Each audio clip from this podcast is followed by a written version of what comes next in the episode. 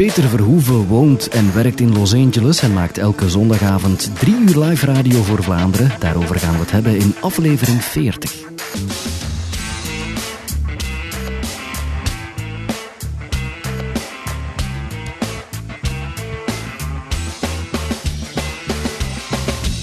Welkom bij Radio Rules. Dus we gaan live skypen met LE, met Peter Verhoeven zometeen. Er is een nieuwe nutteloze rubriek helemaal op het einde, maar nu eerst wil ik jullie iets vertellen over het podcastinitiatief van Radio 1. Want als deze podcast online komt op dinsdag 15 maart, dan heeft mijn werkgever Radio 1 net een uh, mooi podcastinitiatief aangekondigd. En uh, daar wil ik graag iets over vertellen, omdat ik daar zelf ook bij betrokken ben.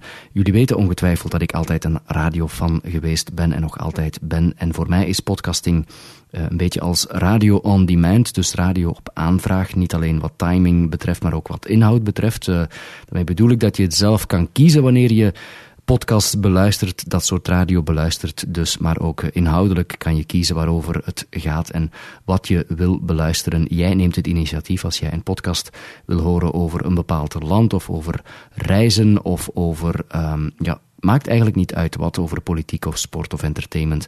Dan is er ongetwijfeld een podcast die uh, ja, spek is naar jouw bek, waar je interessante inhoud kan terugvinden. Uh, dat wat betreft de luisteraars en voor makers van podcasts, wel ja, dat is natuurlijk een perfecte uitlaatklep. Het is zeer makkelijk om zelf radio te maken. De techniek is heel uh, fel geëvolueerd.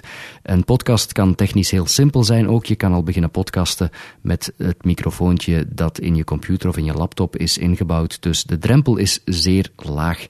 En uh, dat maakt het net zo aantrekkelijk, vind ik, die uh, podcastingmarkt. Dus zowel voor de luisteraar als voor de maker ervan is, uh, is het perfecte radio.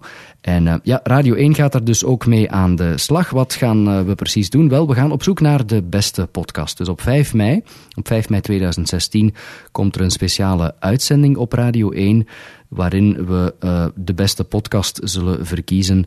En tot die tijd, tussen nu en 5 mei, lanceren we dus een oproep aan mensen om podcasts te maken, podcasts te promoten en om in te sturen. Dus eigenlijk, daar komt het op neer, zoeken we verhalen. Die verhalen moeten boeiend zijn, moeten creatief en verfrissend zijn. En het is ook niet de bedoeling dat we ruwe klank of ongeknipte klank op ons bord gaan krijgen. Nee, je mag er wel wat werk aan besteden natuurlijk. Je mag eigenlijk een pilootaflevering maken van onder de vijf minuten van een podcast. En dat is belangrijk. Het moet onder de vijf minuten zijn. We geen tijd om door uren en uren klank te gaan. Dus maak een soort eerste aflevering van je podcast of van een podcast waar je aan denkt en stuur die uh, in. En het goede nieuws is natuurlijk dat een podcast, zoals je weet, over alles kan gaan. Hè. Dat kan gaan over een interessante reis, over je familie, over een bepaald recept, over iets dat je hebt meegemaakt, dat je gezien, gehoord of gelezen hebt. Um, dus inhoud, dat ligt open. Vormelijk kan het ook verschillende uh, formats aannemen. Een podcast kan je in verschillende vormen maken. Het kan een monoloog zijn, dat kan in interviewvorm zijn, het kan een documentaire stijl zijn. Ook hier liggen alle opties eigenlijk uh, dus open. Ook hier kan je zelf je creativiteit volledig laten gaan en met iets origineel op de proppen komen. Stel dat je nu zelf zo'n verhaal hebt, stel dat je nu zelf ideeën hebt om een podcast te maken of al langer daarmee rondloopt, wat kan je daarmee doen? Wel, surfen naar radio1.be, daar staan vanaf nu alle details over de campagne. En dus zeker tot uh, 5 mei hoor je daar meer over. De deadline is trouwens 17 april en dat is niet onbelangrijk. Ik weet dat een podcast, ook deze podcast, uh, tijdloos hoort te zijn, maar dit is wel uh, time sensitive, zoals men dat zegt in het Engels. Dus 17 april is de deadline. Je zou het ons moeten laten geworden voor die datum. En nogmaals, we willen echt geen pitch of een monoloog van jou horen. Jij die aanprijst waarom de podcast die je wil maken interessant zal zijn. Nee, het moet echt een concrete podcast zijn. Een, een, concrete podcastaflevering van onder de vijf minuten. Een soort eerste voorproefje, voorsmaakje van wat je kan en wil maken. Een soort pilootaflevering, dus nogmaals, die je maakt. En um, ja, op het einde van de rit op 5 mei selecteren we dus de allerbeste daaruit, de beste podcast. Uh, en die man of vrouw krijgt van Radio 1 een budget en de begeleiding en de ruimte ook van ons om daar iets meer mee te doen, om daar een reeksje van te maken. Dus hopelijk komt er dan na die pilootaflevering nog wat meer. En uh, ja, komt er een echte reeks van de podcast die we verkiezen. Dus dat is het podcastinitiatief van Radio 1, de beste podcast.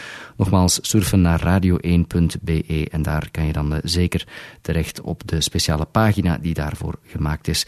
Ik vind het een geweldig initiatief omdat het verder timmert aan de podcastweg in Vlaanderen. En zeker als Radio 1 er zich gaat achterzetten, dan eh, heeft dat het momentum wel mee, denk ik. Dus dat kunnen we alleen maar Ik zit trouwens zelf in de jury van die uh, podcastcampagne, dus ik zal met veel plezier en genoegen alle inzendingen bekijken en beluisteren, vooral natuurlijk.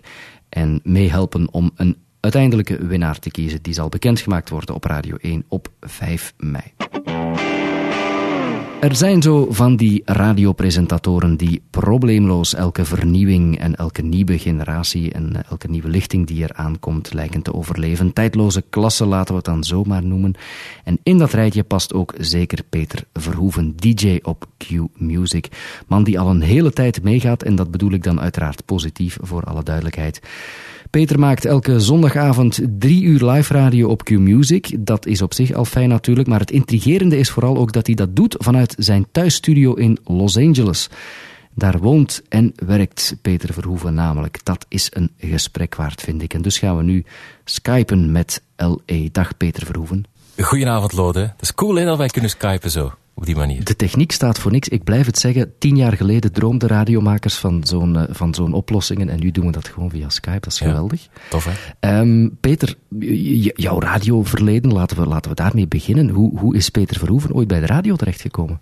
Goh, uh, bedoel je dan de liefde voor de radio of mijn eerste radiojob? Uh, beiden, beiden. Maar dat hangt ja. meestal samen, zo, hè? Ja, eigenlijk wel. wel, ik ben, ik ben enig kind thuis. Um, en uh, ja, ik ben altijd al een beetje op mezelf geweest. En als je dan acht jaar bent en je spendeert 95% van je tijd in je kamer op je eentje, dan, ja, dan zoek je naar dingen om te doen natuurlijk. En een van die dingen was um, een klein radiootje, zo met twee uh, AA-batterijtjes in, dat enkel de middengolf kon ontvangen. Um, zo iets echt uit de jaren 70. En daar kon ik dan Radio Luxemburg mee luisteren. Ja. En dat deed ik dan urenlang tot middernacht soms onder de dekens in mijn bed als ik moest gaan slapen. Met de zaklamp was dat toen nog. En, uh, en dat, zo, zo spendeerde ik soms, soms ja, urenlang. En zo is de liefde voor radio eigenlijk ontstaan. Ja. En dan ga je dat een beetje uh, naapen als klein kind. En dan uh, spaar je voor zo'n klein mengtafeltje en dan ga je beginnen radio maken. En zo is de liefde eigenlijk begonnen. Ja, zat je dan ook zo dingen op te nemen met cassettes en dan zelf je een beetje je top 30 te maken en reclamespotjes ja. uh, zelf in te lezen en dat soort dingen? Ja, zeker. Het ging zelfs meer dan dat, verder dan dat. Um, mijn pa had toen nog zo'n hele oude bandopnemer, zo, nog zo eentje met grote spoelen. Ja. Weet je nog wat ik bedoel? Ja, ja, ja. En daar maakte ik dan zo zelf um, remixen mee en zo. En ik luister dan ook naar Ben Liebrand in Nederland, die dan zo voor, uh, voor Veronica um, um, bewekelijkse minimixen maakte. En ik probeerde dat dan na te doen. Um, met gewone plakband. Uh, normaal gezien moet je daar, als je, als je knipt in zo van die tapes, moet je dat met speciale plakband doen. Maar ik wist dat dan toen nog niet. En ik deed dat dan met gewone plakband.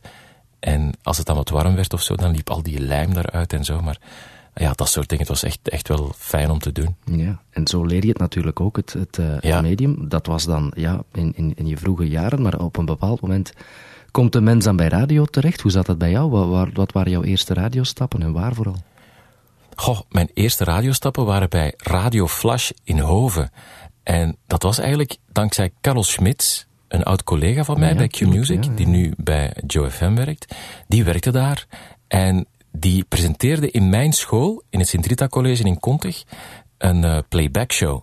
En ik deed daar toen aan mee, maar vraag me daar verder niks over, want ik wil daar absoluut niks over zeggen. Maar ik heb toen gezongen en ik heb toen gewonnen.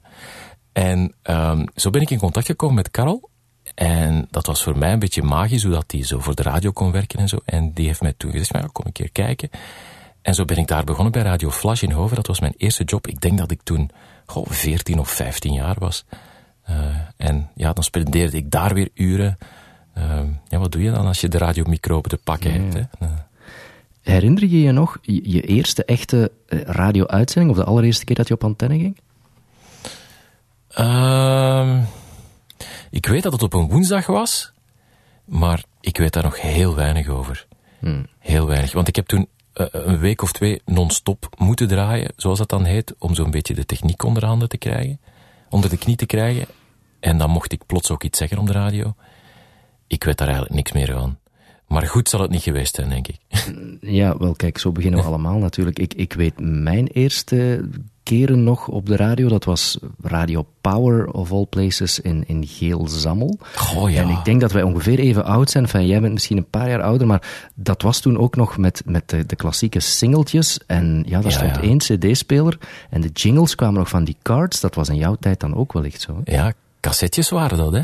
Cassettes, waren dat zelfs. Het, uh, ja, ja, dat was echt... Uh, ja, erg rudimentair in der tijd, maar wel zo plezant. Echt... Uh, ja, de mooiste tijd van mijn leven toen.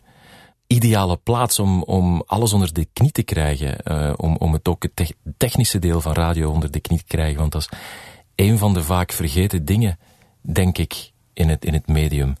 Uh, omdat men vaak uh, ja, focust op, op praat je mooi, heb je een mooie stem. Maar ik, ik vind het belangrijk om eigenlijk alle aspecten van het medium te kennen. En dat was eigenlijk een hele goede leerschool. Ja, absoluut. Uh, je leert er intro's pakken en je leert er uh, ja, op, op uh, muziek praten en wat een beat is en zo. Um, ja, ja dat, dat, was dan, dat was dan in Hoven. Dan ja, ben je uiteindelijk wel professioneel radio gaan maken. Hè? Hoe zat dat? Uh, wel na een paar omzwervingen via uh, nog wat lokale radio's, Radio Metropolis, Radio Ace, Radio Contact en zo, uh, ben ik dan eigenlijk eerst beginnen studeren aan het RIT in Brussel. eigenlijk meer televisie, um, meer regisseur en productie en zo. En dan ben ik tijdens mijn studies terechtgekomen bij Radio 2 in Antwerpen. Mm. En dan heb ik ook een tijdje lang Radio 1 gedaan. Um, maar tijdens mijn studies um, ik weet niet of je Jurgen Verstrepen kent. Die deed toen Talk Radio. Ja, ja, ja, ja, En die zat ook op televisie. En ik ken Jurgen al heel lang. En ik heb, Jurgen al, ik heb altijd Jurgen zijn techniek gedaan. Dus Jurgen zat achter de microfoon. En ik deed, deed voor zijn radioprogramma de techniek. Oké. En hij zat um, op topradio in der tijd. Dat uh, werd overgenomen door um, ja, uh, toen de VMMA, nu de Medialaan. Um, op kanaal 2 ook, op televisie. En ik deed toen ook de techniek voor zijn programma. Maar het kwam op televisie, maar ik mocht toen nog niet op televisie komen, omdat ik toen nog voor de VRT werkte. Zo, ja, ja. En zo... Lag gevoelig ja, allemaal. Lag heel gevoelig. En zo zijn ze mij bij, bij de VTM, bij, bij Medialaan ook beginnen kennen. En hebben ze toen gezegd van ja, we gaan binnenkort starten met, uh, met de nieuwe nationale radio. Ben je geïnteresseerd om daar, daarmee mee te doen? En zo ben ik in het Q-Music verhaal uh, gerold eigenlijk. Dat was dan in 2000 ongeveer, kan ik me inbeelden. Ja. Hè? Ja. Ja, ja, ja. En, en ja, dat was dan toch een sprong in het onbekende, want, want dat was een zender die toen nog niet bestond. Um, mm -hmm. ja, je wordt daar dan voor aangetrokken of je wordt daarvoor gevraagd, maar dan, ja, dat is toch een sprong in het, in het onbekende, hè? In, in het zwarte gat of niet? Dat is waar, maar af en toe moet je dat eens durven doen in het leven, vind ik. dat is zeer juist. En kijk hoe het dan allemaal positief is uitgedraaid, want je hebt daar dan, uh, hoe lang is het? Acht, negen jaar lang denk ik het ochtendblok gedaan hè, bij Q.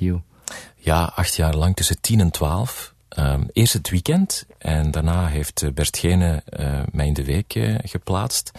En acht jaar lang heb ik dat gedaan, ja. ja. ja.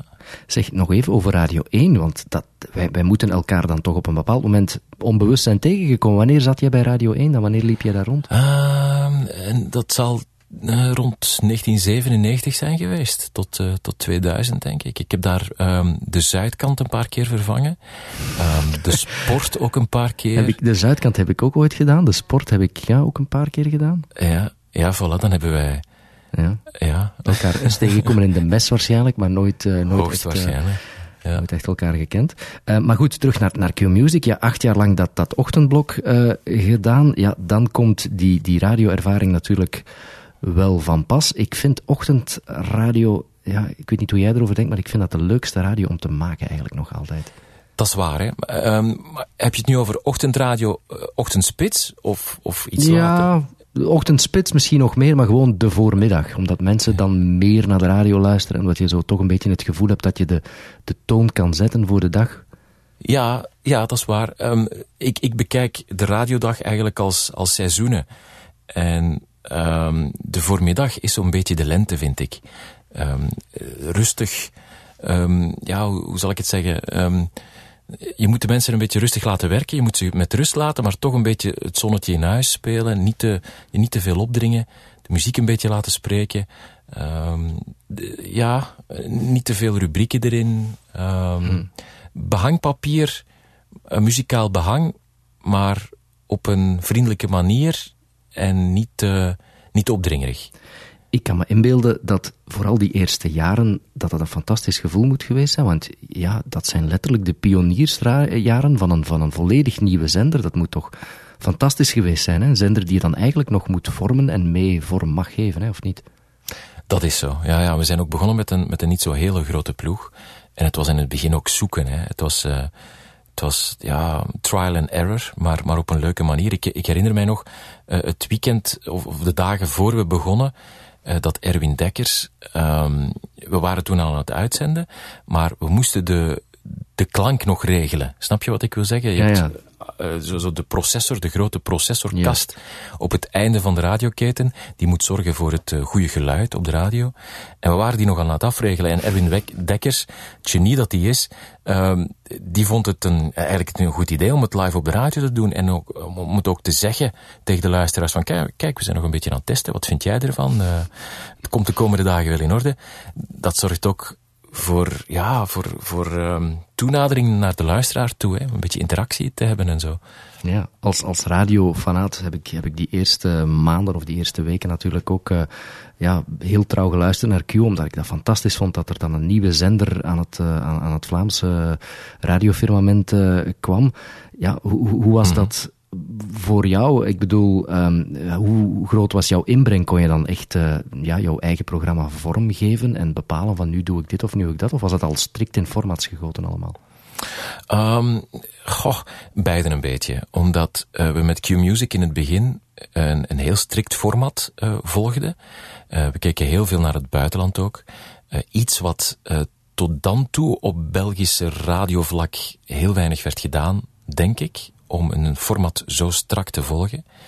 Uh, maar binnen dat format was er natuurlijk wel, wel plaats voor creativiteit en nieuwe ideeën. En er werd uiteraard geluisterd naar, uh, naar jou, um, uh, wat je wou doen en wat je wensen waren en zo. Uiteraard, mm. zolang dat het maar paste binnen dat, dat bepaald format. Waren vooral Nederlandse zenders jullie voorbeelden toen? Of Amerikaanse zenders? Waar, waar zijn jullie toen op dat ogenblik met die nieuwe zender eigenlijk de mosterd gaan halen? Goh, ik denk overal zo'n beetje. Um, ik weet dat Erwin een hele grote fan was van bijvoorbeeld C100 in, uh, in New York. En dat hij heel veel ook luisterde naar Nederlandse radio. Jeroen van Inkel was een van onze grote helden. Uh, van Bert Gene bijvoorbeeld, uh, dat was een van de, van de helden. Terwijl dat Bert Gene een van mijn helden was van in Studio Brussel in der tijd nog. Um, ja, het was een, natuurlijk een beetje afwegen van um, hoe ver kunnen we gaan in dat, dat format. Want je mag hmm. dat Belgische element natuurlijk ook niet vergeten. Want ik denk dat een Belgische luisteraar uh, ook daar een beetje door wordt afgeschrikt, afgeschrikt soms. Um, wat in het buitenland wordt, wordt aanzien als echt uh, doorgedreven commerciële radio, wordt in België misschien een beetje afgeschilderd als, uh, als lokale radio soms. Begrijp je ja, wat ik bedoel? Ja, dat is waar. Ja, ja tuurlijk. Het, het, is eigenlijk een totaal nieuw concept waar je de luisteraar mee overvalt. En, uh, ja. We waren dat niet gewoon uh, toen destijds. Ondertussen uh, is dat natuurlijk standaard. Q-Music is, is een gevestigde naam ondertussen. Um, ja, dus acht jaar lang dat, dat blok 10-12 gedaan. Um, mm. Nu doe je LA Chill. Wat is daartussen? wat heb je daartussen gedaan? goh, veel. Ik ben in 2010 Um, vond, ik het, vond ik het eigenlijk genoeg, zo acht jaar lang 10, 12 te doen. Ben ik met Erwin gaan babbelen uh, om iets totaal anders te doen. En ik heb hem zelf voorgesteld om in het weekend iets te kunnen doen. Omdat ik ja, eigenlijk een beetje ook de files uh, wat beu was. En het, uh, het dagelijkse lopen en racen tegen de klok. En ik wou eens iets doen in het weekend. En ik heb hem toen voorgesteld om twee programma's te doen. Eentje op vrijdagavond en eentje op zondag een hitparade. En dat is dan Kepassa geworden op vrijdagavond. Een beetje om het weekend ja. in te zetten. En de iTunes Top 30 uh, op zondagmiddag. En dat heb ik dan een tijdje lang gedaan. Tot ik ben vertrokken naar L.A. Ja. Um, en het eerste jaar hier in L.A. heb ik uh, zaterdag en zondagavond gedaan. En dat is dan uh, sinds vorig september met de hele restyling van Q-Music... is dat een langere uitzending geworden op, op zondagavond. Ja. En dat is uh, LA Chill. En, en uh, ja, dat is sinds 2014, geloof ik. En je haalt het daar inderdaad zelf aan. Hè? Dus um, die verhuis naar Los Angeles, dat moet je mij eens vertellen. Waarom gaat een Vlaamse radiomaker plots naar uh, Los Angeles verhuizen? um, wil je de lange versie of de korte versie? We hebben tijd, Peter. Dit is een podcast. We zijn niet gebonden aan de format. ja. ja. Um, ik kom hier al bijna 19 jaar met vakantie. En uh, vanaf het eerste moment dat ik hier voet aan, ja, wal is niet echt, maar voet aan de grond zette, nee. um, had ik zoiets van, ja, een beetje het gevoel van thuiskomen. En dat is misschien moeilijk om te begrijpen. Ik ben, ik ben nog iemand tegengekomen die hetzelfde had hier in België. Um, en die is na drie maanden is die verhuisd. Sinds de eerste keer dat hij hier is. Wow. Uh, op vakantie, met vakantie geweest. Bij jou heeft het 19 jaar geduurd dan? Uh. Bij mij heeft het iets langer geduurd. Ja. Maar altijd is dat in het achterhoofd blijven hangen. En elk jaar met vakantie gekomen, hier soms twee keer per jaar. En ja, nooit die magie kwijtgeraakt. En, en altijd, uh, altijd ja, die, die, die drang gekend van... Als ik ooit eens de kans heb... Um, en een paar jaar geleden stelde mijn baas mij nog eens de vraag van, ben je nog altijd zo zot van L.A.? En ik zeg, ja, zo graag verhuizen, liever gisteren dan morgen. Mm. Uh, al wel, zei hij, waarom, uh, waarom onderzoek je dat eens niet? En ik zeg, ja, maar ik wil, uh, ik wil Q-Music niet opgeven, dat is een veel te toffe job. En hij zegt van, ja, maar het ene hoeft het andere niet uit te sluiten. Wow. Um, en dan ben ik het beginnen onderzoeken. Um, de voorwaarde was wel dat ik alles zelf financierde. Mm. Uh, dat heb ik dan gedaan. Uh, studiootje gebouwd, uh, voor visum gezorgd, gezocht. En hier zitten we dan eigenlijk. ja, en ja. Da daar zeg je het. Ik denk inderdaad dat naar het buitenland verhuizen voor mensen die een job hebben die je overal ter wereld kan doen in principe, veel makkelijker is dan voor radiomakers. En, en ja, ik, ik zit ongeveer in hetzelfde verhaal, denk ik. Omdat dat zo gebonden is met de taal en met, met zo'n specifiek beroep, dat je, dat je er eigenlijk ja, denkt niet aan te kunnen beginnen of dat het onmogelijk lijkt, maar je hebt het inderdaad gedaan. Maar je hebt wel, ja, de steun van je werkgever was, was op dat ogenblik natuurlijk zeer belangrijk, kan ik me inbeelden. Ja, absoluut, absoluut. En het was een, een heel ambitieus plan, technisch gezien dan, omdat we een paar dingen doen die eigenlijk nog nooit in België zijn gebeurd. Hmm. En zeker niet op wekelijkse basis opnieuw. Um, uh, ja, om maar iets te zeggen, um, live-uitzendingen in het verleden gebeurden altijd via, ik weet niet of je dat, ja, je weet dat natuurlijk. Dure ISDN-lijnen. Via ISDN-lijnen. Ja, ja. En dat moest dan aangevraagd worden en dat kostte verschrikkelijk veel geld. Ja. En wij doen het via het gewone internet. En uh, de technologie is voorhanden, dus waarom zouden we het niet gebruiken?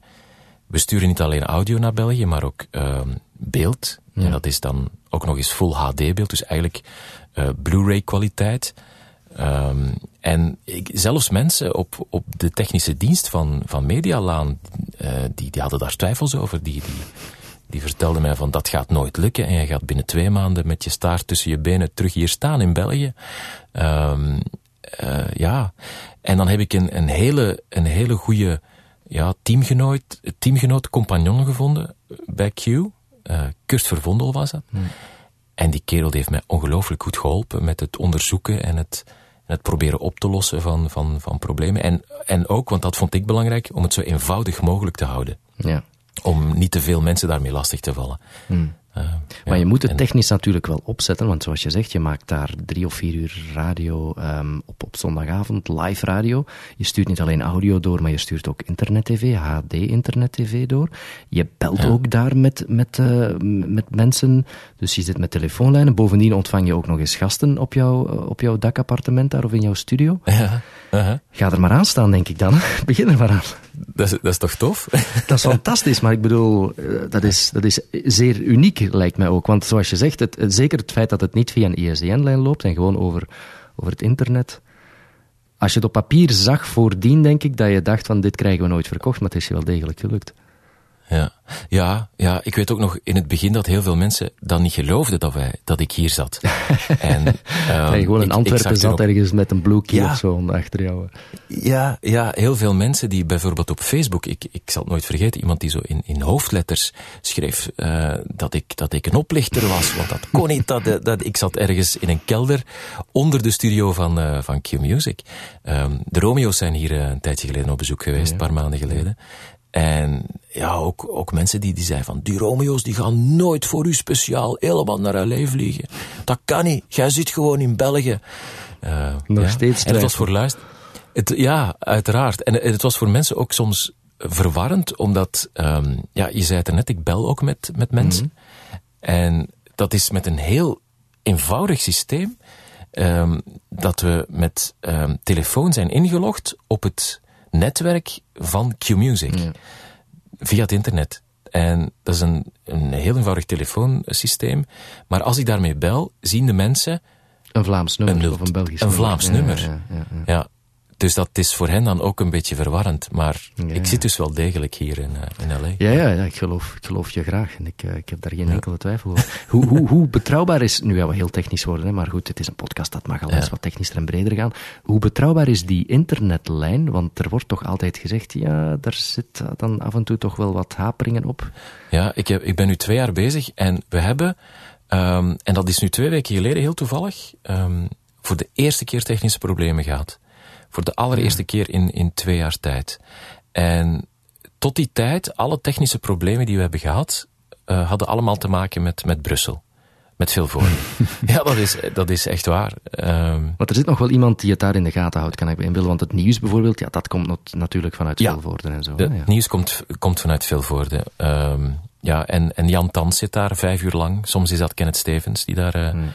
vijf uur lang stand-by staat. Waarvoor ik de mannen elke week opnieuw bijzonder dankbaar ben om daar zo vijf uur lang naar mij te zitten kijken en luisteren. Uh, ja. En dat betekent dus dat je echt, ja, we kunnen het meevolgen. Hè. Op zondagavond, uh, als je naar de website van Q uh, surft, kan je, kan je binnenkijken bij jou. Jij zit daar dan in je eigen uitgebouwde thuisstudio. Dat is gewoon bij jou thuis, veronderstel ik. Ja, dat is, dat is inderdaad in mijn appartement. Ik weet, hmm. Dirk Lodewijks, een van de grote meneren bij Q Music en bij Medialaan, die zei mij in de zomer van, Peter, je mag zoveel je deur niet openzetten, want ik zie jouw keuken dan. En sindsdien denk ik daarvan, oh, mijn keuken moet opgeruimd zijn, want als ik mijn studio uitloop en de mensen zien het, dan... Uh, zien ze de vaat staan. Dan zien ze de vaat staan, ja. Zo, ja. moet wel fantastisch zijn ook, als radiofreak kan ik daar alleen maar van dromen, om zelf zo'n studio te mogen uitbouwen. Goed, je zegt, je moest het dan wel zelf financieren, maar het voordeel is, je kan zelf je eigen, ja, je eigen werkomgeving, je eigen bureau slash studio wel in elkaar steken. Moet ook een geweldig gevoel zijn, denk ik, hè? Absoluut. Ja, ja, absoluut. Dat is ja, een beetje de ultieme droom, hè. Ja. Als, als radiomaker, om, om het allemaal zelf te kunnen doen. En, en radio is ook een individueel medium, in tegenstelling tot televisie, waar je met, uh, met een groot team werkt. Uh, met radio zit je, zit je alleen achter de microfoon, hè. Hmm. En als je dan nog eens alles zelf kan, kan doen, uh, ja, dat is, dat is tof. Dat neemt natuurlijk ook een beetje... Um, het heeft natuurlijk ook een, een grote verantwoordelijkheid mee, want als er iets fout loopt, ja, ben ik het wel natuurlijk. Hè. Ja, jij bent producer slash technicus slash presentator slash beeldmenger. Je bent alles op dat ogenblik natuurlijk. Ja, hè. ja dat klopt, ja. ja, ja. Um, jouw commute, jouw, jouw, jouw, um, ja, de rit naar jouw werk is wel heel, uh, heel kort natuurlijk. Hè. Dat is vijf of zes voetstappen en dan, uh, dan ben je gewoon uh, Dat is, ja. thuisstudio. Je, ja, je maakt daar dan drie uur radio richting Vlaanderen, maar je doet daar ook nog voice-over werk, geloof ik, hè? Ja, ja, ja, ja. Ik doe... Um, um, ik deed tot vorig jaar nog uh, de voice-over voor uh, Royalty, programma op VTM. Um, ja, dat is nu helemaal gerestyled. Ze doen dat nu allemaal zelf.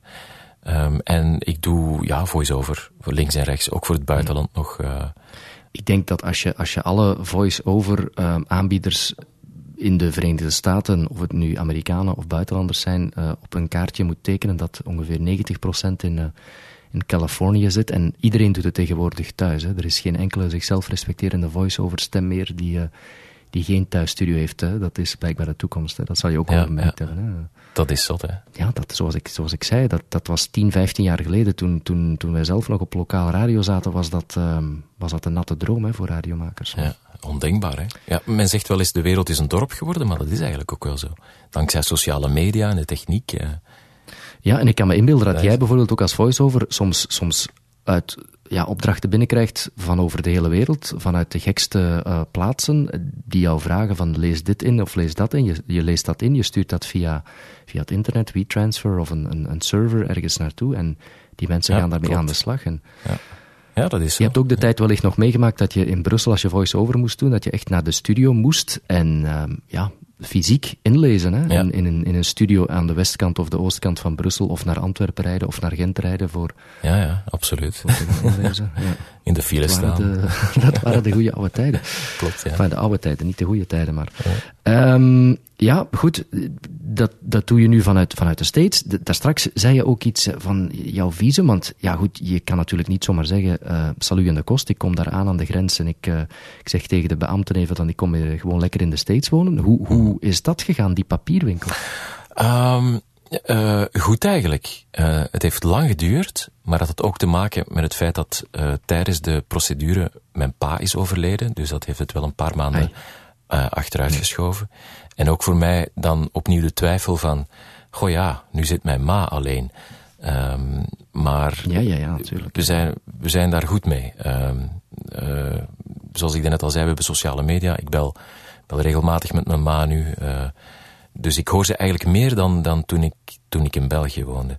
Maar um, ja, de hele procedure um, is, is mogelijk. Uh, heeft anderhalf jaar geduurd voor mij ongeveer. Ja, ja, wat wil je daarover weten?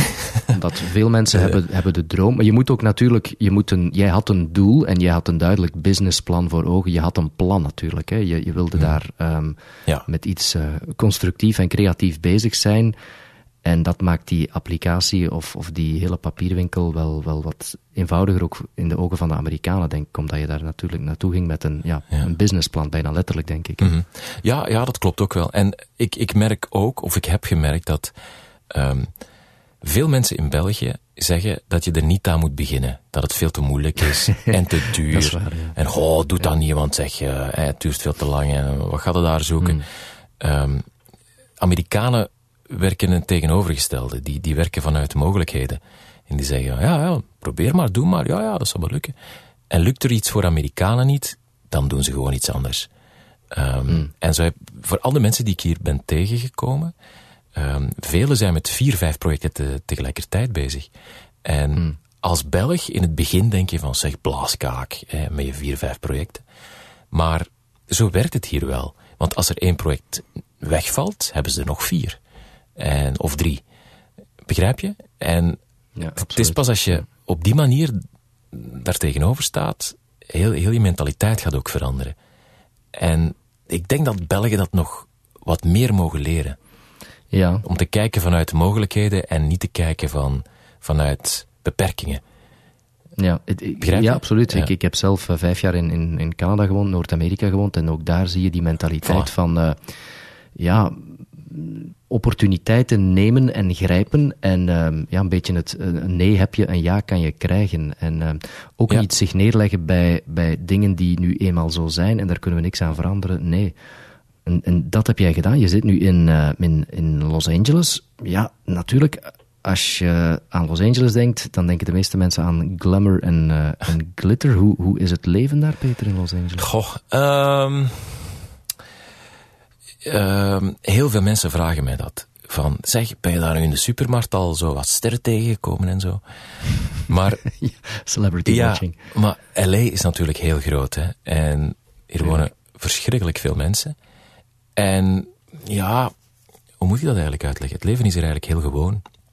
En um, als je gaat eten, bijvoorbeeld een paar weken geleden zat ik in een restaurant en komt daar um, de broer van Owen Wilson, Luke Wilson, binnen. Um, hmm. En aan het tafeltje naast mij zat Christoph Waltz. Um, ik weet niet of je die kent als een Hollywood-acteur. Die heeft uh, meegespeeld um, in een Tarantino-film nog niet zo lang geleden. Heeft de slechterik gespeeld, ook in Spectre, de nieuwe James Bond. En die zit dan naast jou aan tafel. Maar niemand kijkt op. Niemand kijkt daarnaar. En iedereen laat die gerust, met rust. En na een tijdje stapt hij gewoon terug buiten. En ja, dat is helemaal anders uh, dan, dan dat dat bijvoorbeeld in België zou zijn, denk ik. Ja, daar ben je niet zo snel starstruck ja. natuurlijk in, in LA. Hè. Het is ook een andere mentaliteit wellicht. Hè. Uh, Ja, ik heb, dat- ik heb dat nooit gehad eigenlijk. Mm, Ik heb dat, ja. Maar is LA een leuke stad om in te leven? Ja, absoluut.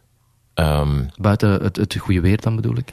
ja, dat is, dat is natuurlijk 80% van, van het voordeel. Ehm, maar je moet wel de dingen willen leren ontdekken. Ehm, ik heb hier vorig jaar twee, twee journalisten over, het- over de vloer gehad. Ehm, en die waren niet te spreken over, over Los Angeles. En oh, het is hier vuil en mensen zijn oh, zo drungerig, zo oppervlakkig. En, en ik zeg tegen hem, ja, heb je dat bezocht? Ben je daar naartoe geweest? En die hadden dat niet gedaan. Die waren gewoon een beetje in de, in de straat wat rondgewandeld en zo. En je moet wel een beetje de moeite doen om de stad te leren ontdekken. Um, maar het is, je kan, je kan, in, je kan s ochtends gaan skiën en in de namiddag uh, op strand liggen, bij wijze van spreken. Um, Er is hier veel cultuur. Je kan naar museums gaan, musea gaan. Uh, je kan hier goed eten. Um, ja, uiteraard, het is natuurlijk niet het perfecte, de perfecte wereld hier. Maar ja, ik, ik ben hier wel gelukkig. Ik, ik vind het hier wel, uh, wel oké. Okay. Mensen vroegen mij ook altijd hoe is het leven in, in Canada, hoe is het leven in Toronto. En ik zei dan altijd met een boetade, maar ik meende het eigenlijk wel van ja, het leven is op zich niet zoveel anders dan in België. Je staat op ochtends, je doet je job, je gaat naar je werk, je komt s'avonds thuis. Je probeert iets leuks te doen. In de weekends uh, maak je, doe je leuke dingen. Je betaalt belastingen. Uh, er zijn leuke mensen, er zijn minder leuke mensen. Want of je nu, ja, of je nu hier of ginder woont, bedoel, op zich is het leven niet zo anders. Hè? En, en uh, ja, jij kan je, je droomjob daar doen. Dus, uh, ja. ja. Wat, Absoluut. Wat ik ook altijd fantastisch vind, Peter, als ik naar, uh, naar jou, jouw show luister en kijk, is dat, dat er altijd wel Belgen langskomen, het zij via Skype of het zij echt in de studio. Dat barst daar toch van de landgenoten. Het valt mij altijd op hoeveel, hoe, hoe groot de, de Belgische gemeenschap eigenlijk nog wel is in, in? Ja, dat is, dat is wel zo. Daar heb je wel gelijk in, Lode. Um, we, we, hebben het, geluk dat we met een hele goede consul-generaal zitten. Uh, deze periode. Die zit trouwens in zijn laatste jaar nu. Uh, dat is Rudy Veestraten. Maar die zorgt wel dat alle Belgen hier uh, samen klitten. Die organiseert ook elke, elke maand een screening van een Belgische film. En ook evenementen en, en, en ja, samenkom, bijeenkomsten. En we hebben wel heel veel te danken aan die man. Um, en als er dan zoals, uh, zoals Natalia deze week uh, iemand is die, die, in, die in de stad is, dan, dan, ja, dan hebben die onmiddellijk contact met, met het consulaat. En via het consulaat komen die in contact met de, met de rest van de Belgen. Um, dus zo gaat dat. Hè. Ja, ja, het is... Belt de consul jou op om, om te zeggen dat die of die komt langs, kan je misschien eens uitnodigen? Of, uh, nee, nee, maar op, op, die manier, net niet. op die manier is het wel, is het wel handiger om, om met elkaar in contact te komen. Hè. Ja, natuurlijk. Uh, ja, ja. ja. Nee, het valt, het valt mij altijd op hoe groot, hoe, hoe groot de, de Belgische gemeenschap toch is. Uh, ja, ja. In LA en in, in, andere delen van de wereld ook wel. Echt, En dat klit samen natuurlijk ook. Ja, absoluut. Ik, ik had hier bijvoorbeeld vorige week de Oscar-uitzending um, op Q-Music. En dan had ik eh, een paar Belgen uitgenodigd. En dan plots staat Natalia in, jou, in jouw woonkamer. Want Astrid Bryan had die dan meegenomen. Um, de broertjes Koppes, die zaten hier ook op mijn zetel. Want die waren dan meegekomen met nog iemand anders. Um, allee, zo zie je. Ze hangen allemaal een beetje bij, bij elkaar, hè, aan elkaar vast. Nu begin ik toch ook plots te twijfelen of je wel echt in L.A. zit. Want als ik al die namen daar hoor die in jouw studio, in jouw studio komen zijn, ja. misschien toch eens gaan kijken in een of andere kelder in het gebouw. Um, ja, ondertussen zit je daar, verbeter mij als ik fout ben, twee jaar of meer dan twee jaar zeker? Um, ja, nu twee jaar, ja. In, in april twee Los Angeles. Wat, wat brengt de toekomst? Hoe, hoe zie jij de toekomst voor jou en wat, wat, wat plan jij nog de komende weken, maanden, jaren? Um, ja, doen wat ik doe, blijven doen. Um, en ja, ik heb ook mijn voelsprieten een beetje uitgestoken, want dat moet je natuurlijk hier doen um, naar plaatselijke uh, jobopportuniteiten. En dat schijnt nu zo'n klein beetje te lukken. Want um, Amerikanen zijn heel, hoe zal ik het zeggen, als ze jou niet kennen, dan zullen ze jou niet makkelijk een, uh, een kans geven. Hmm. En er gaat even tijd over om te netwerken en om mensen te leren kennen. Maar nu begint dat zo klein beetje bij beetje stilaan um, los te komen ben ik te cryptisch, te cryptisch om... nee, nee, nee, absoluut uh, niet. Uh, ik, ik onthoud dat je, dat je alle opties openhoudt, zeker ook lokale opties, uh, dat dat ook... Dat dat ook een mogelijkheid is. Dus, en dan krijg je echt voet aan grond. Hè, want nu, um, het is fantastisch wat je doet, maar nu, nu, nu werk je, of nu stuur je eigenlijk jouw creativiteit terug richting Vlaanderen. Maar als je, als je ook richting de States kan sturen en het daar verankeren, zal ik het dan maar noemen. Um, ja, nu klink ik weer te cryptisch misschien, maar dan, ja, dan heb je weer een extra voet ja, aan de grond daar. Dat is waar, ja, ja. Zie je jezelf ooit op een, op een Amerikaanse zender in het Engels presenteren? Of, Nee, nee, daar zijn we veel te taalgebonden voor. Nee, nee. ja, nee, dat zou, precies. Ja. Dat zou hetzelfde zijn of er komt een, een Nederlander op een Vlaams radiostation presenteren. Ja, ja. Of, en dat is dan nog een Nederlander, inderdaad. Stel je voor dat een, een, een Amerikaan die Nederlands Ja. heeft geleerd... is een beetje, dat accent dat gaat altijd wel eh, nee. ja, voor een probleem zorgen, denk ik. Wat niet wegneemt dat ik misschien bijvoorbeeld een andere job kan uitoefenen op een radiostation of zo. Dat, eh, dat wel. Ja. Oké, goed. Ehm, Peter, dankjewel om dit, eh, om dit te willen doen. Ehm, LA Chills dus elke zondagavond met Peter Verhoeven op Q-Music van, eh, wat is het, zeven uur denk ik, hè, tot, tot eh, middernacht. Zeven tot middernacht, ja. Live Ja, ja. vanuit Los Angeles. Niet alleen een leuke radio, maar ook fijn om te bekijken. Op de website moet je zeker eens doen als je wil zien hoe het in de thuisstudio van Peter Verhoeven er aan toe gaat. Dankjewel nogmaals hè, voor het interview. Lode, het is met heel veel plezier gedaan. Aflevering 2 van de nutteloze rubriek deze week. We horen opnieuw David de Maarschalk. Dag David. Dag Lode. Zeg eh, Lode, voordat we officieel beginnen heb ik nog een vraagje. Eh, vertel. Wel, in Rusland begroeten mannen elkaar met, met een kus op de mond. Eh, bij de Eskimo's wrijven ze hun neuzen tegen elkaar. En in de Australische Walibri-stam schudden ze elkaar de penis. Wat, ver- wat verkiest jij? Eh, laten we het gewoon bij hallo houden. Wat denk je daarvan? Ah, dat is jammer. Dan trek ik mijn broek terug aan. De nutteloze feiten, daarover gaan we het eerst hebben. Je krijgt opnieuw, je weet hoe het werkt David, één minuut om zoveel mogelijk nutteloze feiten op te sommen. Ehm, En vorige week herinner ik mij nog, waren die allemaal aan elkaar gelinkt. Is dat nu ook weer het geval? Ja, dat klopt. Dus elk feit bevat een woord of een detail uit het voorgaande feit. Ja, en dus misschien moeten we de draad oppikken waar we hem laten liggen hebben vorige week. Wat was het laatste feit ook alweer van vorige week? Eh, dat een menselijke zaadcel 100.000 keer zijn eigen lengte moet afleggen om tot bij de eicel te geraken. Ja, daar moet je al een eh, serieus zwembrevet voor hebben, lijkt mij. Dan eh, ben ik benieuwd hoe het verder gaat. Ehm, je weet hoe het werkt. Ik zet een klokje onder jou en jouw minuut gaat nu in. In het zuiden van Azië wordt het getal 100.000 een lak genoemd. Het meest zuidelijke punt van Azië is Pulau Dana in Indonesië. De rijsttafel is in Indonesië geïntroduceerd door de Nederlanders. In 1986 schaatste de toenmalige prins en huidige koning Willem-Alexander de Elfstedentocht onder de schuilnaam W.A. van Buren. Armin van Buren werd tussen 2007 en 2012 vijf keer uitgeroepen tot beste DJ ter wereld. Als de wereldbevolking tegen hetzelfde tempo blijft stijgen, dan zal het totale gewicht van alle mensen tegen het jaar 3530 gelijk zijn aan de massa van de aarde. De aarde weegt ongeveer 5,97 kwadriljoen kilogram. Een kwadriljoen is een 1 met 24 nullen. Grover Cleveland was de 24e president van Amerika. Ex-Amerikaans president Ronald Reagan acteerde in de film Bedtime for Bonzo uit 1951, samen met een chimpansee. Bonzo was de bijnaam van John Bonham, de voormalige drummer van Led Zeppelin. Vijf seconden. De LZ-129 Hindenburg was met zijn lengte van 244,75 meter de grootste zeppelin die ooit werd gebouwd. Dat was nog net binnen de tijd, David. En dat was zelfs nog nuttelozer, denk ik, dan de vorige keer. Proficiat daarvoor. Dank u wel, ik doe mijn best. Vorige week had je het over nutteloze wetten. Dat gaan we nu opnieuw doen. Ehm, Je hebt mij een lijstje doorgestuurd waarover jij het wil hebben. Ik weet alleen eh, plaatsnamen. Maar ik weet dat de eerste op de lijst, laat eens kijken, was Liverpool, geloof ik. Hè? Eh, in het Engelse Liverpool mag een vrouw niet topless zijn in het openbaar, behalve als ze werkt als bediende in een winkel voor tropische vissen. Ehm, ik vermoed dus dat er nergens ter wereld zoveel aquariums verkocht worden als in Liverpool.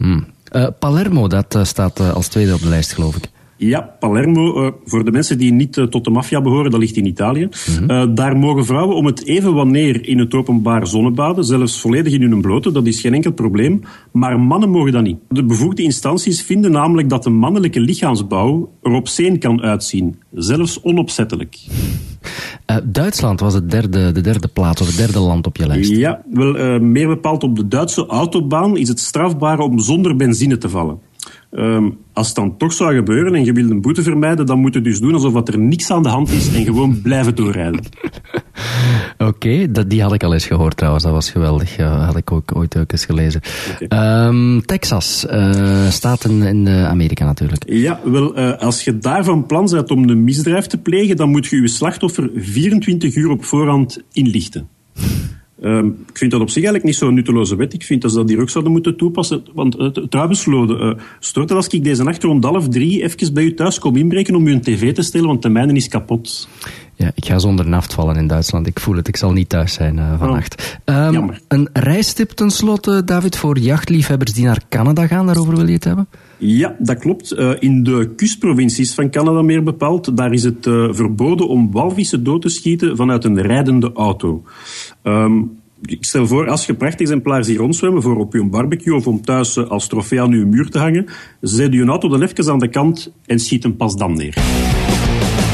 Het nutteloze weetje van de week, daar zitten ongetwijfeld een aantal mensen op te wachten. Wat heb je voor ons?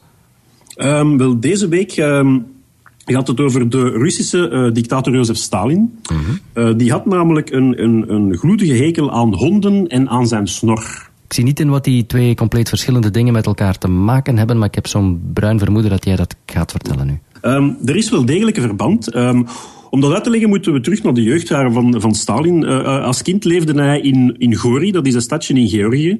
Uh, zijn vader was toen een schoenlapper en zijn moeder een huismeid, maar die verdiende daar amper de kost mee, waardoor het gezin onder heel armoedige omstandigheden moest overleven.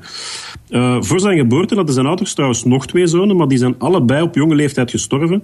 Dus Stalin was eigenlijk het, het enige overlevende kind. Enfin, met grote moeite weliswaar, want, want ook hij zelf had in zijn jonge jaren dikwijls te kampen met gezondheidsproblemen op zijn zevende werd hij bijvoorbeeld getroffen door pokken. Um, dat heeft absoluut niets te maken met het verhaal dat ik nu uh, zou willen vertellen, maar daarom dat ik het dus ook even vermeld, uiteraard. De nutteloze informatie, ja. Uiteraard. Um, dus er was dus de, de armoede, zijn zwakke gezondheid. En daarboven was zijn vader ook een, een zware alcoholieker. En, en heel, heel agressief soms. Uh, Stalin werd bijvoorbeeld vaak door hem mishandeld. Hij is zelfs een paar keer bijna doodgeslagen. Uh, maar gelukkig, in die tijd in het gezin was er ook een hond. Uh, die heette Sobachonka, wat dat letterlijk vertaald in het Russisch mormel betekent. Dus mm -hmm is niet zo'n flatterende naam eigenlijk. Nu, uh, Stalin had een haat-liefde met dat beest, want, want uh, thuis was het uiteindelijk zijn enige speelkameraad, maar anderzijds pestte hij die hond ook dikwijls om zijn eigen frustraties op te kunnen botvieren, eigenlijk. nu, in de, in de winter van 1894, kort voordat hij 16 jaar is geworden, is dat, is dat zwaar fout gelopen. Ehm, de hond die ja, die toen waarschijnlijk al vrij oud was, denk ik, uh, die was rustig aan het slapen. En Jozef is, om hem te pesten, in zijn oor gaan blazen. Mm Nu, die non heeft helaas veel rapper gereageerd dan dat hij verwacht heeft. Dus hij heeft Stalin recht in zijn bovenlip gebeten. Ja, als gevolg een, een grote open wonde, veel bloed enzovoort enzovoort.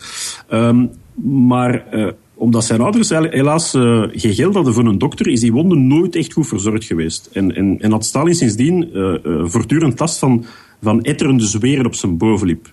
Wat dan natuurlijk niet echt, ja, dat was niet echt een mooi zicht uiteraard. Dus op school werd hem daarmee voortdurend uitgelachen. Hij werd uh, door medeleerlingen, ironisch genoeg, zelf voor Sobachonka, oftewel Mormel, uh, uh, uitgemaakt. Um, omdat hem dat kotsbeu was, heeft hem dan uiteindelijk zijn snor laten groeien om zijn verminkte bovenlip te verbergen. Want hoewel dat die grote borstelsnor uiteindelijk, dat, dat, was, dat was in feite zijn bekendste handelmerk, denk ik, bij veel mensen. Maar hij vond die zelf absoluut niet mooi. En hij vond dat ook niet uh, aangenaam, omdat daar, wel, dat jeukte altijd. Er zat, daar bleven altijd uh, voedselrestjes in zitten en dergelijke. Um, en aangezien dan een hond hem dat heeft aangedaan, kon hem sindsdien geen honden niet meer uitstaan. Nu, vele jaren later, toen hem de machtigste man van de Sovjet-Unie was, uh, heeft hem wraak genomen door honden op het slagveld in te zetten als kamikazes. Mm -hmm. Ehm, de dieren werden toen opgeleid om met explosieven op hun rug onder vijandelijke tanks te kruipen, waarna dat ze tot ontploffing werden gebracht. Dus ik vermoed dat Stalin, telkens als een zo'n hond zag ontploffen, grijnzend in zijn ongewenste snor wreef. En ik vrees dat we deze nutteloze rubriek opnieuw zullen gaan afsluiten met een volstrekt nutteloze tip, of niet? Uh, erger nog, met drie nutteloze tips. Go! Uh, treed niet in de voetsporen van iemand die net in een ravijn is gestort. Laat nooit een stekelvarken op je waterbed slapen en verwar aan bij en zalf niet met tabasco. Oké, okay, goed. Uh, dat was de nutteloze rubriek. Dankjewel voor, um, ja, voor wat eigenlijk? Hè? Ik zou het niet weten. Mag ik desondanks toch nog eens terugkomen? Ik hou u op de hoogte. Ja, meer informatie over wat in deze podcast aan bod kwam vind je op onze site, dat weet je, radiorules.be. Daar staan dus wat eh, links en wat extra informatie. Ik heb trouwens enkele dagen geleden ook een filmpje gemaakt over hoe je precies een podcast kan beluisteren en dan vooral hoe je dat eh, aan je iPhone kan toevoegen. Ik merk namelijk nog steeds dat heel wat mensen geen flauw idee hebben hoe ze ervoor kunnen zorgen dat ze een podcast automatisch downloaden als er wifi in de buurt is of hoe je een podcast eigenlijk heel eenvoudig kan beluisteren zonder altijd naar de website te moeten surfen. Zeker met een iPhone is dat ongelooflijk eenvoudig. Het filmpje daarover dat ik gemaakt heb, twee minuten durende filmpje, de handleiding zeg maar, staat ook in de notities bij deze aflevering op onze website radiorules.be. Je kan ons trouwens nog steeds een groot plezier doen door commentaar achter te laten in iTunes of door een rating te geven. Dat is belangrijk voor een podcast als eh, de onze. De iTunes link staat ook op onze website of je kan rechtstreeks zoeken in de iTunes shop de volgende keer als je daar nog eens bent. Zoeken kan dus op Radio Rules podcast en dan weet je ons wel te vinden. Ik wil u bedanken voor het luisteren en ik zeg graag tot volgende keer.